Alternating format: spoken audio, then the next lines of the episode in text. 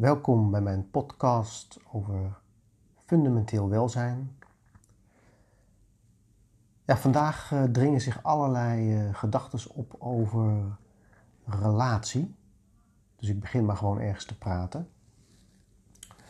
Als jullie mijn teaching kennen, dan is een van de aspecten van fundamenteel welzijn het erkennen van de behoefte aan een langdurige zorgzame relatie.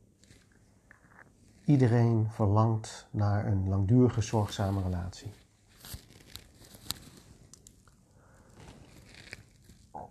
Die relaties zijn met allerlei mensen, van kinderen tot collega's tot geliefden. En ik heb daar vijf pijlers voor die je kunt volgen om dat vorm te geven, te onderhouden. Vandaag komen er vooral concepten boven over relatie met mijn geliefde. Dus ik ga even kijken waar dat heen gaat.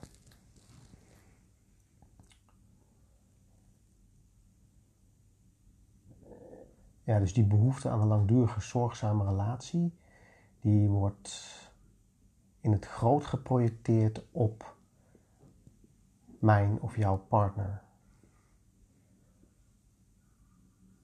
Word ik gehoord? Word ik gezien? Word ik geliefd? En tegelijkertijd is er ook bij mij dat biologische systeem van zoveel mogelijk kinderen verwekken bij zo veel mogelijk partners in een zo kort mogelijke tijd. Dat is niet de hele tijd bezig, maar dat komt altijd wel weer eens een keer boven, die biologische programmering. En de vraag is steeds, hoe kunnen we in die relatie al die systemen reguleren, zodat we bij elkaar blijven. Dat is niet eens het hoogste doel om bij elkaar te blijven, maar zolang die impuls er is om bij elkaar te blijven, moet je iets met al die dingen die de hele tijd opkomen. Van schaduwwerk, ongeziene verlangens tot verlangens die in het bewustzijn zijn.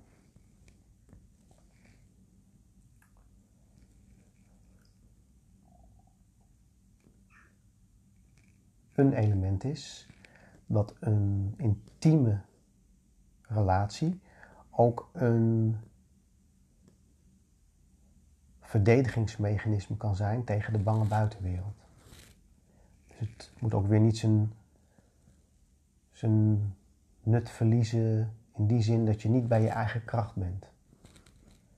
Dus die relatie is voor mij een speelveld om te handelen waarin ik steeds weer in kracht met mezelf ben ten opzichte van haar en de buitenwereld en tegelijkertijd in verbinding. Dus wat er nu opkomt, dat ik vroeger ook altijd een patroon had van als ik een probleem had van mezelf reguleren in de wereld, dat kan over werk zijn, over zingeving of over zelfrealisatie, dan ging ik dat eerst helemaal alleen oplossen. En als ik dan het antwoord had, dan kwam ik naar buiten en vertelde ik wat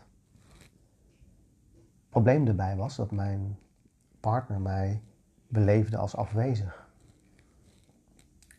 Niet in contact. Dus ik heb gaandeweg geleerd om ook wanneer het half af is, mijn zoektocht, mijn vindtocht, dat ik dat ook al deel. Dus nu is het inmiddels zo dat we elke dag iets delen over waar we zitten. Dat is fijn. Dat is verbinding, het geeft verbinding.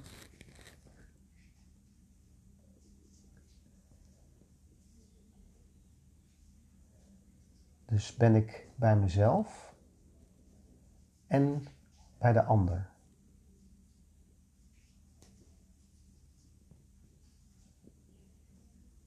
Want voor mij is een relatie, een liefdesrelatie, ook een plek waar we allebei volledig onszelf mogen zijn. Dat is voor mij is dat heel belangrijk. Daarom hebben we ook allebei een aparte kamer. Wij doen ook apart de opvoeding van onze kinderen. Uh, de financiën zijn ook grotendeels gescheiden. Voor mij is dat heel Ja, dus een verlangen naar autonomie, naar eigenheid. En van daaruit kan ik in contact treden. Dus zolang ik er met alles mag zijn wat ik heb of wat ik ben, kan ik ook in relatie zijn met Yashodara. En dat is niet altijd prettig. Ik krijg soms dingen die verlangens of uh, gedachten die helemaal niet stroken met haar wereld. Dus wij hebben daar een manier voor gevonden, Crossing the Bridge, hoe je helemaal in die wereld van die ander gaat. Zet je even je eigen wereld opzij, daarna luistert, dat teruggeeft, zodat die ander zich helemaal gehoord en begrepen voelt. En dan andersom, dan gaat die ander helemaal in mijn wereld. En dat helpt ons om de liefde te blijven voelen. En die liefde is eigenlijk een voortdurende eros of een stroom van levensenergie, die aan de ene kant bij mij zorgt naar een zelfonderzoek of een zoektocht naar waarheid. En tegelijkertijd zit er ook seksualiteit in, intimiteit. Ja, dus dat is een, zeg maar het op gang houden van mijn innerlijke levensstroom. Die gepaard gaat met gedachten, gevoelens, lichamelijke sensaties, verlangens, nou, benoem het maar, de persoon. En ook dat verlangen naar die langdurige, zorgzame relatie. Dat geeft ook een, een diepe vervulling, elke dag weer. Dus die relatie is elke dag opnieuw. Net als zelfrealisatie, dat is ook elk moment is dat een gebeuren. Dus elke seconde realiseer ik mijzelf als het absolute. Dus het steeds in het moment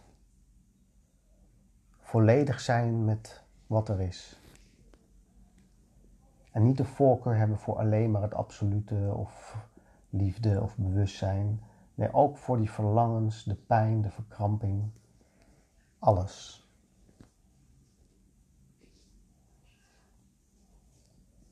Nou, we hebben als lichaam, denken, voelen, een heleboel systemen die door elkaar heen werken. Die werken eigenlijk niet goed samen. Dus de, het systeem van honger reguleren, dorst reguleren, uh, spel reguleren, agressie reguleren, uh, doelen reguleren. Uh, ja, dus het zijn heel veel systemen in ons lichaam die zichzelf of die het lichaam reguleert. En dat is een ontzettend complex geheel. En hoe doe je dat überhaupt al met jezelf? En dan ook nog eens een keer in een langdurige zorgzame relatie in hetzelfde huis. Nou, ik geef het je te doen. Niemand weet hoe dat precies moet. Ik weet ook niet hoe dat precies moet. Het enige wat ik nu weet is zoveel mogelijk ervaren, verwoorden, in contact brengen. En dan zien waar het heen gaat. Het is een voortdurende stap in het onbekende. Dus in mijn relatie, soms hou ik niet van mijn partner. Er zijn dagen dat ik gewoon niet van haar hou. Nou, dat kunnen wij tegen elkaar zeggen. En dat is pijnlijk en niet leuk, voor allebei niet. En het is zo. Er zijn dagen dat ik enorm verliefd ben. Dan kan ik alleen maar aan haar zitten. Ik wil alleen maar leuke dingen met haar doen. Nou, dan is dat er. Dus het gaat op en neer, heen en weer. Geen pijl op te trekken, geen logica in te vinden. Nou, dat is wat er vandaag opkwam. Aho.